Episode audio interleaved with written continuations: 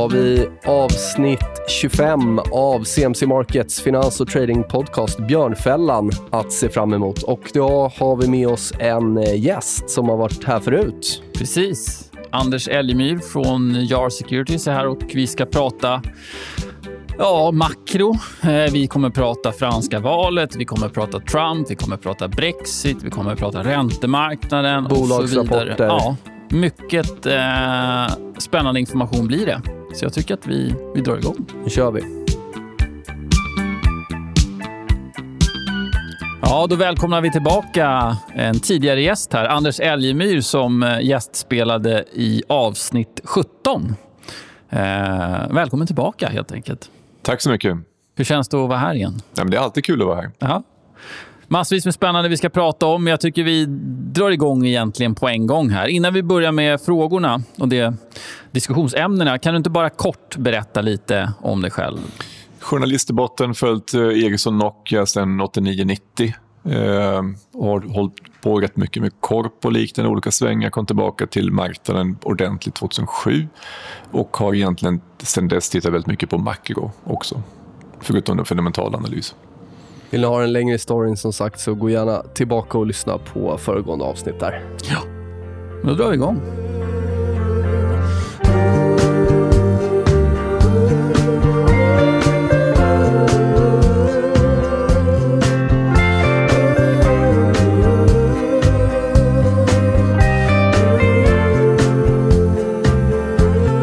Första frågan franska valet här. Väldigt spännande. Vi ser här nu, bara senaste veckan har det tajtat till sig ordentligt. Osäkerheten är stor. Vad tror du, om du har något utfall, vad du tror kommer hända och framförallt kanske vad händer om Le Pen vinner?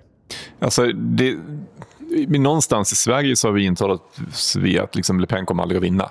Eh, och Det är någon slags moralisk åsikt vi har här. Så, men vi har ju sett nu att det har gått fel flera gånger, både med Brexit och Trump. Så att eh, man måste ju hålla liksom dörren öppen för att det, hon faktiskt kan vinna. Det som talar emot henne är att det är två kandidater som ställs emot varandra i slutomgången. Och det är väldigt liten chans att de, nationalistiskt parti ska kunna vinna i slutomgången då. Men, men jag tycker man ändå ska tänka på att det kan hända. Och det syns i räntemarknaden nu för att nu börjar spreaden mellan tyska och franska räntan glida isär rätt ordentligt. Så att marknaden börjar faktiskt ta in den risken. Fransmän är ju rätt nationella eller patriotiska. och Det är väl lite som när man, som du säger, man tittar på lokala exempel eller även andra, eh, Trump och Brexit, att man kanske inte är lika benägen att svara på de här undersökningarna eller vad det nu kan vara. Så att, det eh, kan finnas ett mörkertal där. Absolut. De är ju väldigt eh, rasistiska. Alltså, väldigt många är rasister där. Det finns en, djup konflikt med Alger, Algeriet och sådana saker. Så det är lite en annan mentalitet i Frankrike än vad vi är här. Jag tror inte man, ska, man kan inte döma Frankrike efter våran, våra glasögon. Så att. Hur ser du på den eh, vänster, eh, vänsterpersonen som har kommit upp här på slutet? Mélenchon, eller hur man nu uttalar det. Det skulle kunna bli ett extremutfall där. Väldigt vänster på ena sidan och väldigt höger på andra. Ja, alltså, som du själv pekade på innan den var, var drog igång, det är väldigt, väldigt jämnt nu mm. mellan de olika kandidaterna. Så i princip så kan ju faktiskt vad som helst hända. Eh, och det är väldigt, väldigt mycket tjuvrackarspel. Det är ju kandidater som kommer upp och sen hittar de någonting på dem, så försvinner de, så kommer de tillbaka igen och så där. Så det, nej, det är väldigt, väldigt rörigt val tycker jag. Men det är som du nämnde, där, så oron börjar synas i räntemarknaden. Det börjar spreadas här, eh, som du var inne på. Tror du att eh, eh, om Le Pen vinner, för det är väl det de flesta är oroliga för, om att det då blir hej då till euron i Frankrike? Ja, alltså, hon har varit väldigt, väldigt tydlig med det. Så mm. om, hon, om hon inte är Trump, som tydligen kan byta åsikt mm. hur som helst, så hon är ju ändå uppvuxen politiker och borde faktiskt veta vad hon säger och kunna följa efter det. Så, så tror jag att det kan bli en, en en upp, alltså, vad kan det bli? Det kan bli en uppbrytning av, uppbrytning av EU. Jag är inte helt säker på att det innebär att EMU försvinner. Vad betyder Frexit då för EU, om det nu blir så? Brexit? Ja, Frexit egentligen. Ja, okay, Frexit. Nej, men det, Brexit kan man överleva. Frexit kan man inte överleva tror jag. För det är ändå axelmakterna Frankrike till Tyskland. Eh, det skulle kunna ses som en möjlig utveckling att man får en, en nord-sydstatsförhållande där, där, där, man tänker sig att Frankrike är syd och, och, Tyskland är nord och sen skulle vi själva i princip ingå i nord. det är, rätt, det, det är ju liksom den tyska lutheranska jämfört med, med vitlöksbält den uppdelningen. Den är rätt naturlig tycker jag egentligen. Faktiskt. Jag tycker att det är en ekonomiskt sund uppdelning, en kulturellt sund uppdelning. Men tjänar inte Frankrike så pass mycket att vara med i EU då? Ja, alltså är det någon som har tjänat på EU så är det väl Frankrike. Jag menar... ja, vinbönderna och mm. hela kolstålunionen, alltså allt har de tjänat på. Absolut. Men, men eh, det handlar väl inte så mycket om det längre. Du kan inte liksom, för att du har tjänat på det tidigare så kan du, kan du inte dra växel på att du alltid kommer att tjäna på det. E, alltså, den politik som, som ECB an, använder idag är ju egentligen väldigt konstig när man försöker anpassa hela europeiska kontinenten till en ränta, till en, en liksom, eh, stimulansnivå där då Tyskland går för starkt och de andra länderna går för svagt. Liksom. Det, det, funkar ju liksom inte. Vid Brexit så fick man en kraftig nedgång. Men som vi vet så köpte man den dippen så har man blivit väldigt väl belönad så att säga i dagsläget. Tror du att det kommer vara samma positiva effekt om vi får den nedgången om Le Pen skulle vinna? Nu, blir det inte, nu är det inte lika överraskande som brexiten, men vi kommer förmodligen få en köra på nedsidan.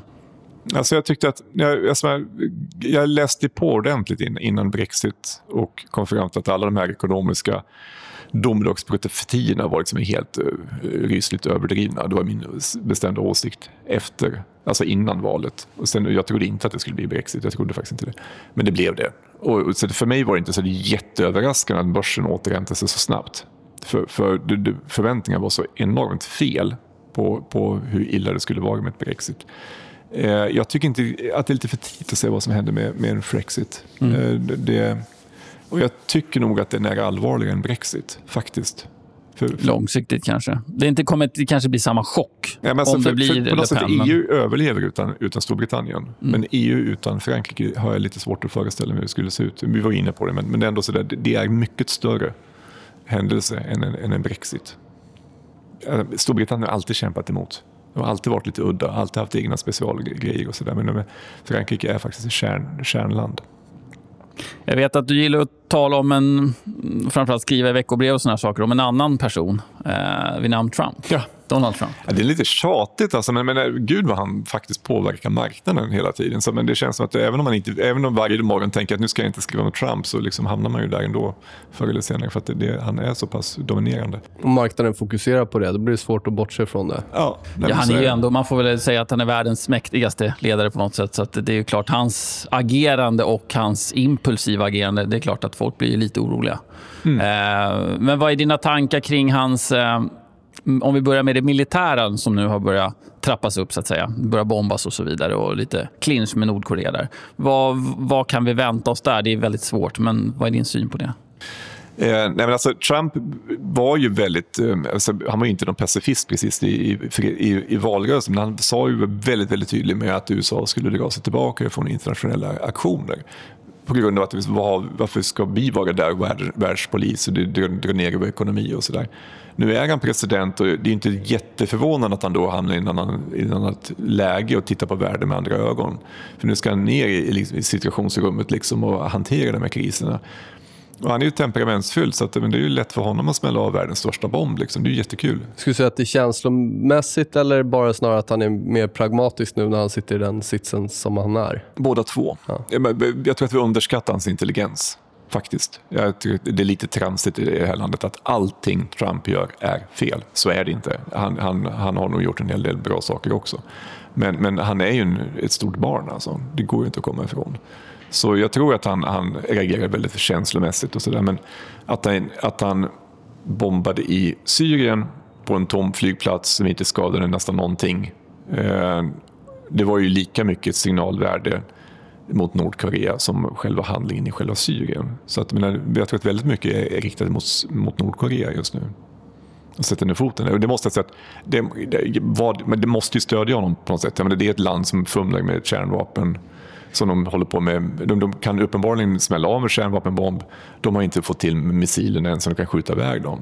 Men det är dags att stoppa det landet tycker jag. Och det, inte ens fredsvännen Sverige borde stå emot det, för det gör de naturligtvis, men, men de borde inte stå emot det tycker jag. Du tror att under Trumps tid så kommer det så att säga smälla där borta? Ja, om inte Kina ingriper innan. För det är egentligen det de lever på. De har ju en, ett en unionsavtal, jag glömt vad det heter, men det är i alla fall ett, ett, något slags avtal med, med, eh, med Kina, Nordkorea som gör att de icke-angreppspakter och det är för någonting. Jag inte vad det är. Men, men så, så det är inte, de måste ju hantera Kina innan de går in i Nordkorea, men någonting kommer att hända. Om vi tittar på det mer politiska internt i USA så har man ju stött på lite motstånd. Eh, och när han blev vald så var det ja, men det skulle bli fantastiska infrastruktursatsningar och det var ja, men liksom, det skulle dra igång ekonomin och så vidare. och så vidare. Och Sen så var det väl någon ersättare till Obamacare någonting som fick nej. Va? Just det. Uh, hur ser du på det politiska spelet i USA? så att säga? Men, men han kom ju in. Det, det, jag tror att det är rätt vanligt just nu att, att många politiker kommer fram i den egenskapen att de tror att man kan sköta ett land som ett företag. Så han, han kom in liksom och trodde att han, ja men nu blir jag president, ja men det är ungefär för honom, ja men nu blev jag VD i America United Company någonting. Men det, så är det ju inte. Utan det, presidenten är en beslutande makt och sen har vi eh, kongressen och sen har vi domstolsväsendet. Och han har inte riktigt förstått det här. Att han inte kan göra vad han vill. Det, han kan ju agera fritt internationellt och det är det vi ser nu. Han tar, väl, han tar väl utrymme där han kan agera. Men han fick ju inte kongressen med sig i sin första stora fråga. Och det är nog ett, eh, en jätteuppvaknande för honom. Han trodde verkligen inte att det skulle kunna inträffa. Jag tror det kommer sätta käppar i hjulet för då, eftersom många har ju levt på som en Trump-trade, att det ska börja tuffa på ordentligt eh, igen där borta. Tror ja, jag... att det kommer sätta käppar i hjulet för den utvecklingen? Ja, nu kan man ju inte visa tioårsgrafen här, men jag tycker att om man tittar på veckobrevet så tror jag att det visar ut i sista veckobrevet att den här Trump-traden är möjligen på väg att gå över nu. Mm. För att du kan se att den går ner under 2,3 procent. Ja, du pratar ränta nu? Eller? Ja, exakt. Ja. Mm. För där syns det tydligast att den gick upp väldigt, väldigt kraftigt. Den, den amerikanska tioåringen. Just det, när han blev vald. Mm. Och sen har den planat ut och man talar väldigt mycket om att den ska gå över 2,6 och kanske 3 procent. Och sen har den fallit igen och stödet på 2,3 och sen är den på väg ner. Det finns två gap där mm. i, i grafen. På vägen upp. På vägen upp, ja. Och de ser ut på väg ut att fyllas. Så fylls de, ja då är vi tillbaka där det började i november. Och då, är det med, då ser du den nedgången som egentligen brist på förtroende för alltså, eh, ekonomins utveckling? Snart. Ja, alltså det, handlar ju upp räntorna på grund av två saker. Det ena var inflation. För att man trodde att om man, alla de här st stora stimulanspaketen skulle dra igång inflationen och andra var att ekonomin skulle få fart, men då skulle räntorna upp. Om vi inte får inflation, vilket vi inte syns nu, och vi inte får fart på ekonomin, ja då skulle räntorna tillbaka där de var i så fall. Och då är hela Trump-traden borta. Och räntefolket är bättre än aktiefolket på att läsa den här typen av trender. Så det, här ska man titta på räntemarknaden. Det har varit mycket prat om deregulation i finanssektorn också. Initialt så gick ju bankerna ganska bra, börjat trenda neråt nu igen, i alla fall kommit ner lite. Någon tanke där? Det var ju, nu har det ju gått en väldigt kraftigt på rapporterna de sista dygnen. Så att, men, men finans har ju gått väldigt dåligt sista tiden. Så jag tror att det, det, ja, det, det var säkert en poäng där att det hänger också ihop med Trump-traden, fast inte tillbaka då. Den, den enda sektorn som går riktigt bra nu det är fastighetssektorn. Och den går rakt upp i taket. Eh, det syns inte i Sverige. Det tycker jag är lite intressant. Det ska jag själv sätta mig och titta på varför det inte slår igenom i Sverige lika mycket. Men, men förmodligen för att räntan inte går ner i Sverige. Men, men eh, det är ju den naturliga, okej okay, räntorna faller, vem är det som tjänar pengar? Ja, det är fastighetsbolagen. För de, de tjänar lika mycket pengar men de får lägre upplåningskostnader. Ja, men då tjänar de ännu mer pengar. Sen har vi svenska rapportperioden här som drar igång i, eh, ja, är det den här veckan. Va? Ja, på allvar börjar ja. väl ticka in grejer nu. Eh, vilken typ av vinnare pratar vi om? Vad är det? Vinsttillväxt? Omsättningstillväxt? Vad är det som är intressant där för dig att kolla på? Alltså I första hand är det alltid vinsten. Mm. Eh, och, och, och, Det är väl rätt tydligt att de har ju varit bättre sista tiden. Eh, amerikanska bolag har varit fenomenalt starka i flera år nu på, på vinsttillväxten men inte på försäljningsutvecklingen. I Sverige har varit sådär, liksom, men de börjar komma upp lite bättre vinsttillväxt. Eh, så, men det som jag kanske är lite orolig för, vi börjar titta på det nu, det är väl att förväntningarna har gått upp väldigt mycket sista kvartalet. Alltså från och med Q3 och fram till nu så har man justerat upp. Alltså, vi talar storleksordningen 8-10% på vinsttillväxt under, under, det här året. Mm. Det är väldigt mycket. Ja, de, analytikerna brukar väl justera ner ganska mycket under året. Men nu känns det som just... man har justerat ner lite, men inte alls i samma takt. Som ja, du har inte hunnit det än, tror jag. Ja. Jag tror att det, det, där, det är det som är mitt problem. Lite grann. Jag tror att man har tagit i lite för mycket. Och då har vi ett, ett, år framför oss där vi ska justera ner vinsterna istället för att det blev inte så himla bra som man trodde. Och det hänger också upp med Trump-traden. de är ju, analytiker är också människor. De har också liksom trott att det ska ta fart mycket mer. Och, jag menar, Fed är uppenbarligen för optimistisk i sin prognos över ekonomin och så där. Så att jag tror att det kan ligga lite för högt helt enkelt. Det brukar slå åt båda hållen, antingen lite för optimistisk eller lite för pessimistisk. Ja, det är en som en gunga, men där du, du, du tar i för mycket åt båda hållen. Liksom. Har du någon sektor så där som du är extra orolig för? Alltså som där det kan verkligen ha, ha skevat iväg, så att säga? Alltså, valutor är svårt. Alltså, Värdsatsbolag det måste man kunna ordentligt. för att kunna, Så där kan det komma stora överraskningar, skulle jag nog säga. Ehm, inte på fastighetsbolag, de borde kunna tjäna pengar och sådär. Så men, men jag är lite, lite reluctant, vad heter det? Försiktig inför rapportsäsong. Jag tycker att typiskt sett så ska man inte äga aktier över rapport. Det är min, min grundinställning. Ska man handla aktier efter rapport? Absolut. Låt oss säga att du har ett ja. fundamentalt case du gillar, stor volatilitetsexplosion. Du har gjort analysen innan, kikat på grafen. Eh, och inte alltid, men ofta så, så är det ju de lägena som det uppstår ganska trevliga lägen att mm. kliva in. Eller korta mm. kanske. Ja, nej, men det är helt rätt. Alltså, rapporten skapar ju lägen. Snarare än att liksom blint äga aktien över rapporten, för det kan slå lite hur som helst. Alltså, bättre att äga aktien fram till rapport, kliva av, plocka upp den igen efter rapport. Och du kanske förlorar några procentenheter, men den risk du, du lastar av är enorm. Alltså. Så det är mycket bättre. Jag vet att du pratar ibland om det här med att äga vinnarna under rapportperioden mm. till nästa rapport så att ja. kommer in, så ett, ett kvartal. Då. Eh, är, det, är det vinsttillväxten framför allt du är intresserad av? Eller? Alltså, vi brukar ju ta tre parametrar. Eh, vinsttillväxt, eh, att det är ett vinst... Alltså, förlåt. Att vilka bolag som har kommit in starkast jämfört med förväntningarna. Mm. Att det är någon positiv vinsttillväxt och sen kan vi, det är lite olika, ibland så tar vi försäljning, ibland så tar vi om det på utdelningssidan. För nu kan man titta på utdelningen också på, på det här kvartalet. Då. Så det, det, är lite olika. Men, men egentligen men, de som överraskar mest positivt? Ja, man säga. ja. ja över linjen då. Mm. Och sen hålla dem till nästa rapport kommer? Exakt, inför nästa rapport. Mm, precis. För, för det är alltid, det, man tar nästan aldrig ut hela svängen. Ibland så gör man det. Så tar man ut allt på första dagen. Liksom. Sen går det nog som sufflé sen när, närmast. Så man, det, det gäller att hänga med i sin tekniska analys. Det är det här som det är verkligen bra teknisk analys till hjälp. Mm. Ja, vi kommer komma åter, återkomma till det alldeles strax. Ja. Men du, är en, eh, du har ju några Excel-snurror på, på nacken. Så att säga. Du har jobbat med, som aktieanalytiker väldigt länge. Eh, jag tänkte kolla lite med dig. Vad tycker du vad är viktigt att tänka på när man ska analysera bolag utifrån ett fundamentalt perspektiv? Eh, finns det nåt speciellt som du alltid börjar med att titta på? Det beror på vad det är för typ av bolag såklart. Men kan du vägleda oss där? Ja, alltså det är så himla olika på hur man kommer in på bolagen. Det kan ju vara så att du har tipsat om ett bolag. Jag, menar, jag kan ju titta på det bolaget och säga att ja, men det är fel sektor, det är rätt sektor. Jag menar, det är ju första är, liksom ett är en sektor överhuvudtaget intresserad av? Kan jag någonting om den sektorn? Är läkemedelssektorn kanske jag skulle vara lite försiktig. Nu är jag intresserad av den så det, jag kanske kan ge mig in på den. Men typiskt sett ska man kanske hålla sig borta om man inte har någon speciell ingång. Eh, jag menar, om, om eh, Fastighetsbolag kan ju alltid vara intressanta men de är ju enormt kopplade till konjunkturen. Precis likadant som industribolag. Jag menar, man ska inte köpa industribolag om konjunkturen går emot den och så vidare. Så att, men det är ju den första analysen. Och sen ger sig in och tittar på okay, hur de positionerade, vad det är för produkter de har och sen självklart ledningen i bolaget. Så det, det, är, många, det är många nivåer liksom i analysen. Mm. Man måste arbeta sig Men När du mött analytiker där ute genom, genom åren, är det någonting sådär som, som är vanligt att man gör fel? Att börjar man i fel ände, så att säga? Ja, ofta är man ju för sifferfokuserad, tycker jag. Alltså, det spelar för roll om det är decimaltecken i analysen eller inte. Precis. Man skruvar för mycket Excel-snurran istället för att tänka verksamheten. Ja, och sen börjar man blanda ihop Excel-snurran och verkligheten. Det är ju väldigt vanligt tycker jag. Är det för mycket antaganden där menar du? Eller? Ja, det är ju, ja, precis. Det är ju siffror. Det är inte mer än siffror. Det, det intressanta är ju den, den långa trenden. Och Sen gäller det att komma in i den långa trenden. Det är det som är, det är, det som är poängen. Du kommer aldrig in på toppen, du kommer aldrig in på botten. Liksom. Eller du säljer aldrig på toppen. Du kommer Bara lögnare och idioter. Ja, eller hur? Men du var inne på det där med den tekniska analysen, att den är väldigt viktig. Eh, vad var det som fick dig att gå från att bara titta vad ska jag säga, bolagsmässigt, då, eh, balans, resultaträkning och även komplettera med just teknisk analys?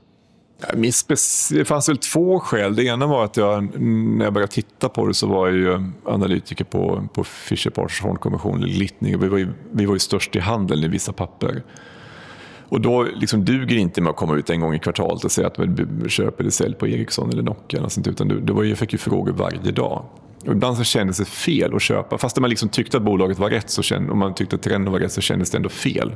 Av något skäl. Och så gick jag och frågade liksom kompisarna på desken vad är, vad är, hur ser det ut liksom, grafmässigt. Och sen fick jag en föreläsning per dag. Liksom. Och någonstans så insåg jag att det måste man ju lära sig själv. Det andra var att jag var ute och pratade rätt mycket på institutioner om, om samma bolag. Då. Och så började jag med någon dollargraf. Och sen insåg jag att jag, menar, jag kom ju sällan längre i dollargrafen för att det var det som folk fastnade på. Och då var det liksom både titta på den fundamentalt, men ska dollarn ta vägen? Och sen titta på hur slår det på bolagen? Och sen titta på okay, hur ser den ut tekniskt, då, dollarn? För valutor är ju verkligen det som handlas mest efter teknisk analys. Så att någonstans där började jag inse att ja, men det är bara att lära sig. Så jag la ner ett par års tid liksom på att läsa på. Senast som du var med i podden så pratade vi lite Ericsson. Det passar ju bra eftersom att du är en gammal Ericsson-analytiker. Q4-rapporten, eh, riktigt dålig med kapad utdelning och fortsatta omstruktureringskostnader. Eh, fundamentalt har du någon åsikt om hur man ska få rätsida på bolaget. Eh, och tekniskt så har vi faktiskt eh, kommit upp hyfsat bra sen bottnarna kring 50 om du har någon vy där. Ja, fast den kommer inte igenom 60 å andra sidan. Det är ett jäkla tungt tak. Alltså, så att, men jag tror inte jag skulle ta den där aktien innan den går igenom 60. Men då kan man definitivt ta den. För då har den ackumulerats under så lång tid. Eh, den här den stora nedskrivningen i Q, Q4 var ju, den är ju fortfarande ett mysterium. Hur kan man hitta så mycket förluster på så kort tid? Det är ju jättekonstigt.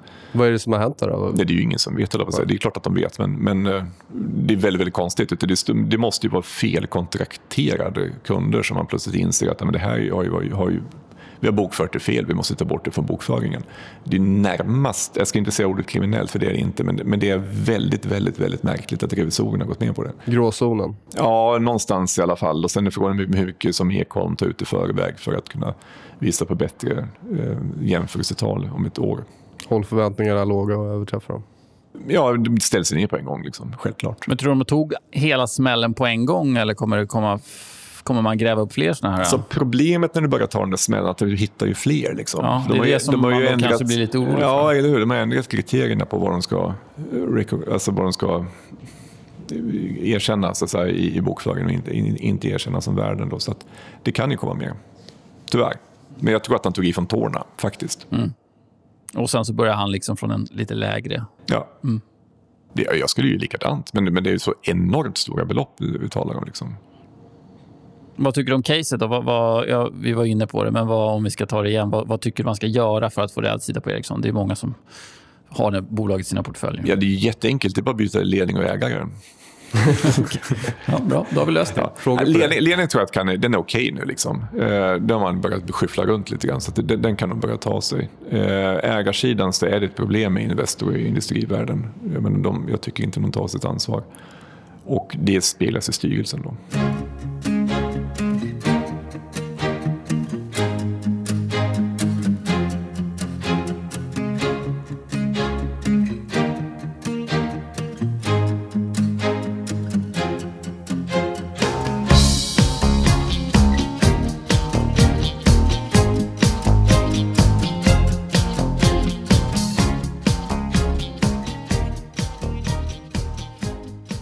Hoppar vi tillbaka till USA och eh, Fed. Det är väl två höjningar kvar som det har pratats om i alla fall. början av året sa man tre höjningar. Nu har man eh, genomfört den. Tror du att vi har två, två stycken i korten? Nej, det börjar kännas som att det börjar, börjar faktiskt försvinna nu igen. Eh, och mycket har, vi har ju varit inne på det, men liksom om Trump-traden inte funkar då är det naturligtvis ränteuppgången inte, alltså den är över. Mm. Som jag kallar för. Alltså de har positionerat sig fel igen, Fed, tyvärr. Ännu en gång har de nog fått fel. Ja, det vore ju, vore ju spännande om det inte blir någon fler höjning. Någon kanske det blir till, bara för att... Alltså den här sista höjningen var de helt enkelt tvungna De var ju tvungna att göra det. För att annars, men de hade men, ju problem att försvaga den på presskonferensen. Men 15 mars ja. tänker du på. Ja. Men, men det, det var... känns ju som att varje gång de har höjt, senaste tre gångerna blir det väl, va? så har de varit tvungna att höja. Alltså, ja. Man har målat ja, in sitt hörn varje gång. Exakt. Så det är möjligt att vi får en sån höjning till då, kanske i december eller sånt där. Mm. Men det som kom upp eh, senast var väl att man nu funderar på att minska ner balansräkningen. Mm, det, är jätte, det, är en jätteallvarlig signal naturligtvis för, för hela marknaden. Och då är frågan hur ska man göra det utan att stressa upp marknaden? Ja, det nog, går nog inte. Du blir nog stressad. Jag lovar. Du jag blir stressad bara jag ställer frågan. du kommer ringa mig på morgonen. Eh, nej, men alltså det, det, som händer när, när du... Alltså det måste finnas en överlikviditet i marknaden eh, för att du ska kunna minska balansräkningen. Man gör ju det i praktiken redan nu. Man minskar likviditeten genom att inte köpa tillbaka alla papper som förfaller och liknande. Det förfaller ju papper mm, hela tiden precis. och sen ger man inte ut nya. Så, så det blir en, en likviditetsåtstramning som jag, jag är osäker, men jag tror att den kan ha pågått i ett år eller något liknande de facto. Då. Men den har också kompenserats av att ECB har gett ut så att det finns på global nivå så har det ändå liksom tryckts pengar. Men om man börjar liksom makulera de här pengarna så kommer det naturligtvis att synas i, i, i världsekonomin. Och den är väldigt fragil, världsekonomin. Så det är inte alls så enkelt att, minska det där. Jag läste någonstans att om, det var någon som hade räknat på det, om man skulle så att säga, optimera, optimera ner balansräkningen så skulle det ta 15 till 20 år för dem att göra det om de ska göra det på ett strukturerat sätt och inte stressa marknaden för mycket. Mm. Jag, alltså, har mina, räntorna för mycket. Alltså, jag har ju mina egna privata teorier om det där. Jag tror att man kan göra bara stryka skulderna. För det är ändå faktiskt bara två parter inblandade. Det ena är Fed på ena sidan och andra är staten på andra sidan. Och det är Fed som har lånat ut pengar till staten. Ja, men det är bara efterskänka om du lånar. Då. Du kan bara minska det med hälften och det kommer inte att påverka Feds balansräkning speciellt mycket. Det där är ju genomförbart, tror jag. Och då kommer alla nyckeltal att se mycket bättre ut. Halleluja, så kan vi fortsätta börja om. Liksom. Ja. Jag, jag, det allvarligt, jag tror att det där är det som kommer hända. Men det måste till en kris först. Skicka ett mejl till gällen och säga så här ligger det till. Så här kan, så här kan göra. Men är det lagligt? Alltså, det, det är okej okay att göra så? Jag skrev, jag skrev det i ett veckobrev, jag tror att det var ett år sedan ungefär. Och då fick jag faktiskt frågor om att det inte är lagligt. Och så jag försökte hitta någonting och den här killen som skrev det försökte också hitta, men vi hittade ingenting som var, visade att det var olagligt. Jag tror att det går att göra.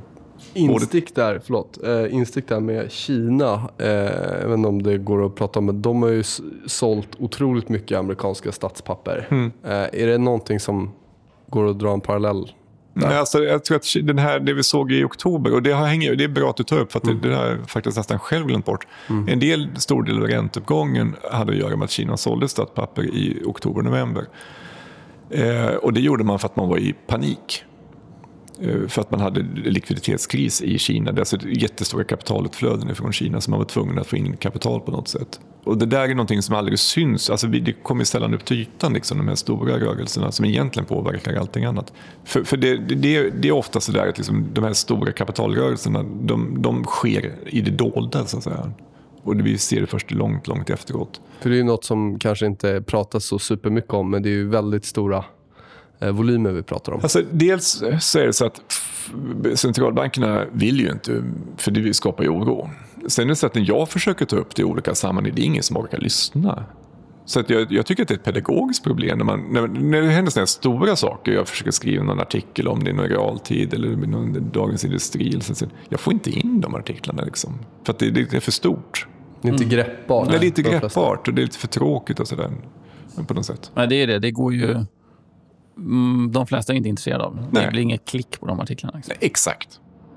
3 maj här så tror du alltså inte på någon höjning då, då med andra ord? Nej, det är svårt att tro. Tekniskt sett har vi lite mer att ge. Om jag tittar på 10-åringen så skulle den kunna komma upp till 128 fram till den 3 maj. där. Och Det skulle vara eh, se väldigt tekniskt snyggt ut för en vändning ner mot de här bottnarna kring 123 som den vände upp ifrån eh, senaste nu 15 mars. Nu tittar du på själva indexet ja, och inte på... Titta, för jag tittar ju alltid på, på ja, omvänt i, i ränta. Jag förstår. Men jag, jag håller med. Så att den skulle mycket väl kunna gå ner till, eller upp till den nivån i dina termer. Då. Ehm, och det är ju tvärt vad alla tror. Så det är det som är roligt. När alla tror en sak, då brukar det faktiskt gå åt andra hållet. Och Riskvården är bäst där i alla fall. Ja. Det kommer påverka allting annat. Så, så det, det, är väl kanske den första graf man ska titta på varje morgon. Just nu är det faktiskt tioåringen i USA.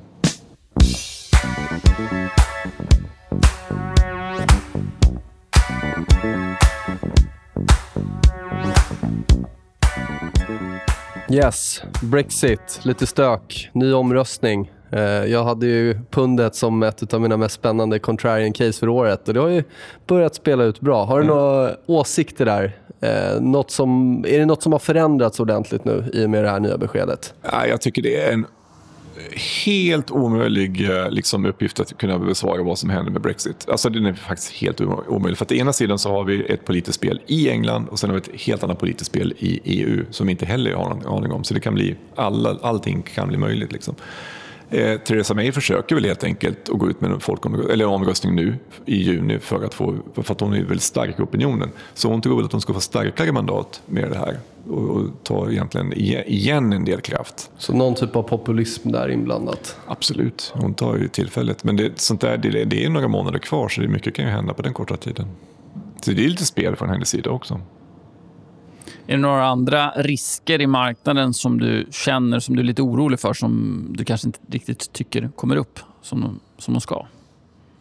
Alltid när, när, när det händer saker i marknaden som jag inte förstår, som att guldet beter sig konstigt, eller just nu så är det faktiskt ehm, eh, Nils var inne på det förut, den skräpobligationsmarknaden i USA som, som faktiskt inte går ner. Det borde gå ner nu, men det gör inte det. Alltid när det händer sådana saker som jag inte förstår, då blir jag alltid nervös. För då, då ligger en lite extra jobb på att försöka komma på vad det kan vara. Och då plötsligt upptäcker man att ja, det är Kina som säljer statsobligationer. Eller det, det, är någonting annat som pågår som är mycket större än det som står i tidningarna. Så, att, men, så det finns några sådana anomalier just nu som jag skulle så Just nu, för att förtydliga, fokus på skräp, alltså vad är det, HIG och JNK, ja, ETF när du tittar på det, varför de inte kommer ner. Varför de inte kommer ner. Mm. Jag har hållit koll på dem sen vi pratade sist då, om ja. det här. Och De var ju en fantastisk indikator för börsbotten här i mars. Mm. Eh, blev verkligen, eh, verkligen bra. Eh, och titta på. Nu har vi kommit upp ganska kraftigt i oljan. Eh, crude var uppe som mest på 56, kommit ner nu kring 54. Eh, även det där HIG-indexet var som mest uppe eh, lite över 87. Då. Eh, har väl tickat ner lite, men det ser fortfarande ut som att den positiva trenden håller. Då. Och Det ger ju också lite till, alltså, tilltro till börsen. Där. Jag tror du är inne på lite grann rätt spår. Där, för att, menar, HIG är korrelerat med oljebolagen, i, alltså skiffergasbolagen i USA i väldigt hög grad. Om de defaultar, ja då går HIG ner. Mm. Alltså det är det som hänger ihop lite grann. Men det är också så där, det, det är ändå varför köper folk högräntepapper när, när räntorna går ner. Liksom. jag har lite svårt att få ihop det ändå. Men är det inte som med Trump, Trump-grejen också, att marknaden kan fokusera på en eller ett par saker samtidigt? Och just nu är det det här som man fokuserar på, i alla fall är det, är det korta. Mm. Eller kan det finnas... Ja, men jag, jag, jag ska vända på det. Eh, det svar på frågan Kristoffer, jag tror att vi är i en trend just nu. Jag tror att det är fel tid på säsongen att äga aktier. Vi går från i april in till maj, sälj in maj, go away, tillbaka in i augusti, september. Stökiga val, eh, vi inte riktigt vet vad som händer, folk kommer att dra ner sin riskexponering och liknande. Så jag, tror att vi, vi, jag tror faktiskt att vi är i en fallande marknad, men det syns inte jättetydligt på graferna. Det syns bara på räntemarknaden än så länge. Så jag kan ha fel, men räntemarknaden brukar tyvärr ha rätt. Mm. Så håll koll på den. Ja, räntan ska man icke förringa. Nej. Säga. Intressant med guldet, bara en parentes. Du pratade ju sist om fysiskt guld. Mm. Jag läste faktiskt här bara för ett par dagar sedan, jag och Kristoffer satt och pratade om det, att Eh, nu visar det sig att de här ETF-erna mot guld, att det, är, ja, det är ju det är bluff, exakt som du sa faktiskt. Ja. Att det, volymen är gigantiskt mycket större än, än vad underliggande eh, som det går emot. Jag tror Precis. det var någon sån mid-cap guld. Ja, de här junior gold miners ja. tror jag ligger lite... Det är extremt mycket likviditet i dem. Ja, de drog ner, just det. De ställde in handeln i dem till och med för att det fanns inte underliggande papper. Nej, men det är väl så att det fanns guld mm och sen fanns det eh, större efterfrågan på guld. Istället för att sälja guld så började folk sälja pappersguld, alltså som inte fanns i fysisk leverans under. Det är klart att då kan man ju stå emot en uppgång i guldet väldigt, väldigt länge så länge man trycker ut nya papper i marknaden. Men någonstans så har väl det här blivit stopp nu på det, det pappersguldet. Eh, och då borde guldet gå upp, tycker jag. Men vi får se om jag får rätt eller inte. 1300 ser ut som en väldigt tekniskt signifikant mm. nivå. Verkligen. Större nacklinje på veckobasis och sådär. En, en extrem nivå på uppsidan för mig i alla fall. Eh, skulle vi bryta där, då får man ju ta det som ett väldigt styrketecken. Då. Eh, ja, någon, någon vid där, är det samma nivå du sitter och kollar på? Eller? Ja, ja. det är det. Är inte exakt MA 200? dessutom tror jag. EMA 200 dagars glidande medelvärde, precis det de håller på att studsa på just nu. Alla de här, silver, guld. Det parar upp sig där. Ja. Silvret har ju kommit ner en del i alla fall mm. senaste där. Vände men, ganska kraftigt. Men den är, de är väldigt hög korrelation. Ja. Men det, nu är det 85 på, jag tror att det är 85 gånger högre guldpris än silverpris per gram. Eller något sånt där. Det borde i och för sig sjunka. Det borde vara lägre. Eh, det har varit, jag tror att någon gång har jag hittat det nu äntligen. Jag trodde att det var en på en, men det var en på två som lägst. Någon gång under romartiden så fanns det... En på två mot silver? Ja. ja. Men, men det är några tusen år sedan. det var inte igår. en lång graf. Ja. Men förra, förra gången du var med så pratade du om det här med att du eh, var intresserad av att analysera flöden in och ut ur ETFer. Mm. Är det någonting du har inte, tagit tag i än? Nej, jag har inte tagit Nästa gång. Det är en bakläxa. Ja. Jag kommer tillbaka. Då, då är det, nästa gång du kommer tillbaka då måste du analysera yes. flödena i ETFer. Bra, då tar vi det. Då ja, tackar vi för den här gången. En liten makrouppdatering. Alltid spännande att höra dina tankar, Anders. Ja, Väldigt kul att vara här. Super. Stort tack. Hej. Ha det. Sådär då, det var det 25 avsnittet av Björnfällan. Klappat och klart. Tack Kristoffer. Eh, tack Nils. Tack kul Anders. Att, ja, kul att ha Anders med igen. Missa inte föregående avsnittet, nummer 17, när han var med. Precis. Det var mycket intressanta grejer där också som fortfarande är aktuellt, får man väl säga. Mm, absolut. Det här avsnittet kommer ut eh, nu på fredag. Då. Idag är det onsdag när vi spelar in det. Eh, Soundcloud, iTunes, diverse podcastspelare. Frågor, funderingar, tveka inte att höra av er till oss. Mm. Tycker ni att den här podden är bra så lämna gärna en review. Jag tycker ni den är dålig får ni göra det också. Det är... Men reviews, feedback etc. mottages gärna. Ja, tackar vi för oss. Ha det. Hej.